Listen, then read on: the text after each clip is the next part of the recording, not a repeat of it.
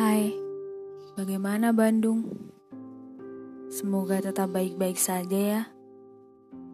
Oh iya, kemarin aku ke Jogja loh.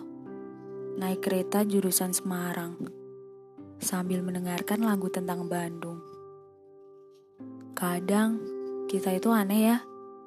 Suka sekali mencampur adukan suasana. Nanti kalau sudah kecampur, bingung deh cara pisahinnya gimana.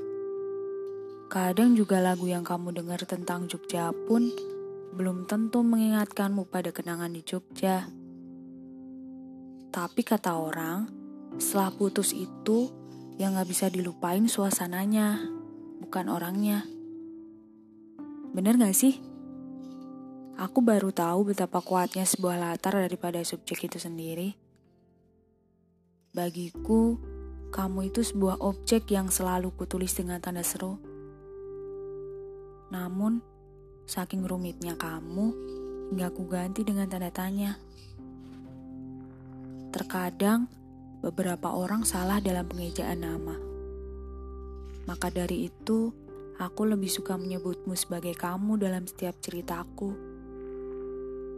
Aku sendiri gak tahu apa dibenarkan jika terus menceritakan tentang kamu. Kamu tahu gak, kenapa aku lebih suka menggantung di sini?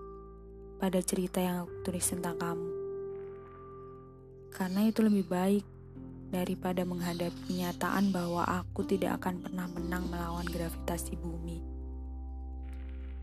Jangan berusaha menggantikan siapa pun, karena kamu sendiri gak mau kan posisimu digantikan sama orang lain.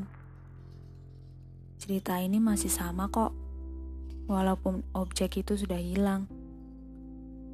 Karena hilang itu bukan selalu harus digantikan. Kamu adalah objek yang tidak bisa kutemui pada individu lain.